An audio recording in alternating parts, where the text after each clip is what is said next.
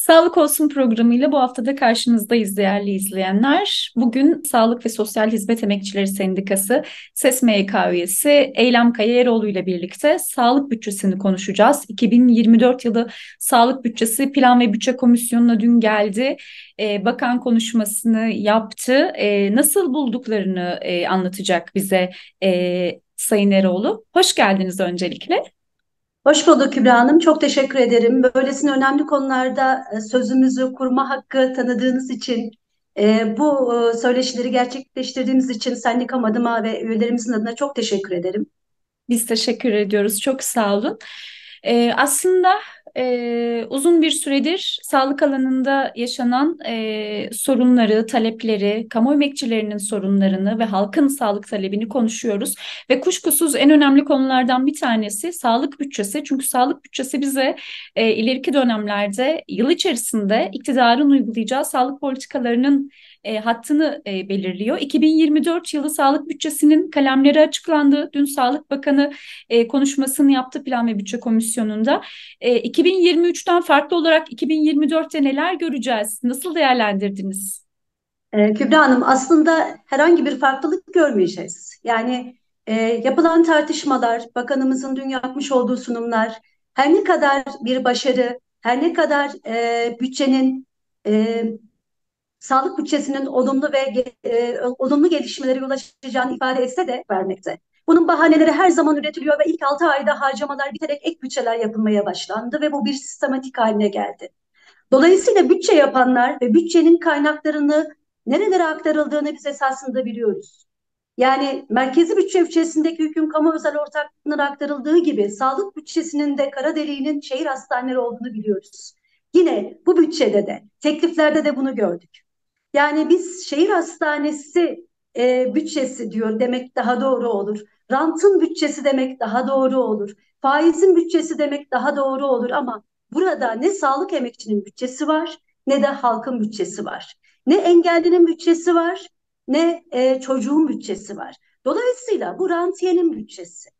Yani bütçe hakkı e, uzun mücadeleler sonucunda kazanılan bir hak biz üretiyoruz, vergiyi biz ödüyoruz. Toplamda o vergiden ayrılan pay içerisinde biz yokuz, rantiye var. Yine sağlık bütçesi yine bu şekilde ifade edilen bir bütçe. Tekliflerde bunu görüyoruz. E, koruyucu sağlık hizmetlerine payın düştüğünü görüyoruz. Yine tedavi edici sağlık hizmetlerindeki payın artmış olduğunu görüyoruz. Yani Sağlık Bakanlığı temel görevi olan hasta etmeme e, yükünü, görevini, sorumluluğunu yerine getirmek yerine hasta ettikten sonra birilerine para kazanmanın derdinde. Şu an e, kaynaklar olarak e, dün esasında e, bütçe ile ilgili, ilgili e, açıklamamızı da yayınladık. Ondan önceki günlerde açıklamamızı yayınladık. Burada temel şu iki vurguyu var yapmak istiyorum sağlık bütçesinde. Biz bir e, deprem felaketi yaşadık. Koruyucu sağlık hizmetleri bir pandemi geçirdik bu üç yıllık dönem içerisinde. Koruyucu sağlık hizmetlerinin ne kadar önemli olduğuna yönelik olarak tüm dünya, tüm dünyanın sağlık sistemleri pandemi döneminde hatırlarsınız. Neyi konuştuk? Hasta etmeme, koruyucu sağlık hizmetlerini konuştuk. Hiç kimse bundan bir ders almamış. Deprem gerçeği. Birinci basamak sağlık hizmetleri bakanımız 15 bin sağlık kurumundan bahsediyor. Artıyor evet sağlık kurumlarımız artıyor. Ama hasta toplum, hasta bir topluluk var. Halkımızın acillere başvurma oranı, hastanelere başvurma oranı artmış. 854 milyon kişi acillere başvurmuş. Yani bu talep neyi gösteriyor? Sağlıksızlığı gösteriyor. Dolayısıyla Sağlık Bakanlığı toplamda da bütçe hazırlayanlar bütçeyi hazırlayamıyorlar. Bütçe açık veriyor. Temel olarak nedir dengede? Denge, dengenin sağlanmasıdır. Dolayısıyla zaten siz başarısızsınız. Sağlık Bakanı 15 bin sağlık kurumuyla övünürken oradan gelen çığlıklara ses olabildi mi? Bu bütçede ses olabilecek mi? Hayır. Ee, hekim sayısının artışıyla toplam hekim sayımız yeni atamalarla birlikte 205 bini geçti diyor Sağlık Bakanı. İnsanlar randevu bulamıyor. Sayın Bakan, e, şehir hastanelerine de e, Türkiye'nin en gelişmiş e, büyük şehirlerinde, metropollerinde de ve en ücra köşelerinde çocuk doktoru yok, nöroloji uzmanı yok. Siz neden bahsediyorsunuz? 205 bini geçti. Neye göre geçti? Yeterli mi? Değil. Son 10 yılda hekimler neden geçiyor? 30 kat artış var hekim göçünde. Madem bu kadar cazip sağlık e, kurumlarımız, neden hekimlerimiz gidiyor? Neden hemşirelerimiz dil kurslarında? Bu bütçede bunu nasıl engelleyeceksiniz? Bu mudur sizin açıklama yaptığınız şey? Bu mudur öncelik olarak deprem bölgesinde hastaneler açacağınızı ifade ediyorsunuz? Hastane açmak değildir sağlık hizmeti. Aile sağlığı merkezleriniz yok ortada. Piyasalaştırmışsınız zaten bunları. Yani dolayısıyla şunu söylemek istiyorum özet olarak. Bu bütçede sağlıksızlık üreten bir bütçe var. Bu, bu, bu bütçeyle 2023'te yaşadıklarımızın tekrarı olacak.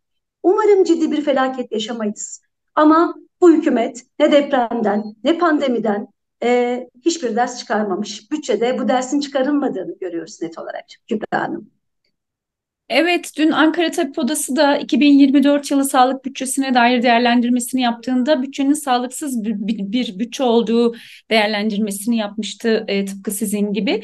E, hakikaten öyle uzun e, süredir aslında koruyucu sağlık hizmetlerinin neden ihtiyacımız olduğunu zaten tartışırken 6 Şubat ve 20 Şubat depremleriyle birlikte e, bu ihtiyacın ne kadar elzem olduğunu bir kez daha gördük ancak e, sizin de ifade ettiğiniz gibi 2024 yılı bütçesinde koruyucu sağlık hizmetlerine önem verilmediğini görüyoruz. E, aslında e, ses olarak vurucu bir e, dikkat çekici bir e, yere değinmiştiniz e, bütçe açıklamalarında. E, Bakanlığın e, bütçesinin dağılımının e, adil olmadığını, koruyucu sağlık hizmetlerine önem verilmediğini ve deprem bölgesinde aslında şehir hastanelerine aktarılan paylarla e, o altyapının, sağlık altyapısının e, yeniden inşa edilebileceğini söylemiştiniz. 11 ili kapsayan bir felaketten bahsediyoruz. Hem hekimler, hem sizler, hem Türk Tabipleri Birliği aslında e, depreme dayalı açıklamalarınızda e, neye ihtiyacımız olduğunu ifade etmiştiniz. Tabii şunu sormuş olayım aslında e, tartışmaların e, en odağı burası. Nasıl bir bütçe? Bizim neye ihtiyacımız var? Öncelikle hasta olmamaya ihtiyacımız var. Yani e, vergiden ödediğimiz o vergilerin e, ücretlilerden karşılanmasına değil, sermayeden alınarak halkın öncelikle sağlıklı olmasına e, e, karşılayacak olan bir bütçeye ihtiyaç var. Yani eğitimde, sağlıkta halka yönelik olarak bütçe payının artırılması lazım. Biz yıllardan beri yüzde onun üzerinde genel merkezi bütçe içerisindeki payımızın yüzde onun üzerinde artırılmasını ister, istedikçe Tam tersine Diyanetin bütçesi artırılıyor, savunmaya giden bütçe artırılıyor. Ama biliyorsunuz e, hasta olmama hali birçok parametreye bağlı. Toplumun sağlığına bağlı. Çocukların okula aç gittiği, üniversite öğrencilerinin barınma problemi nedeniyle e, kendini astığı ne acı bir durum. Gençlerin intihar ettiği bir dönemde e, bir sağlık e, sağlık üreten, halkın sağlığını koruyacak bir bütçeye ihtiyacımız var. Ama şunu da biliyoruz. Tek adamın yapmış olduğu bütçe bunu sağlayamaz. Yani halkın bütçe hakkına sahip çıkacağı bir e, bütçeye ihtiyacımız var.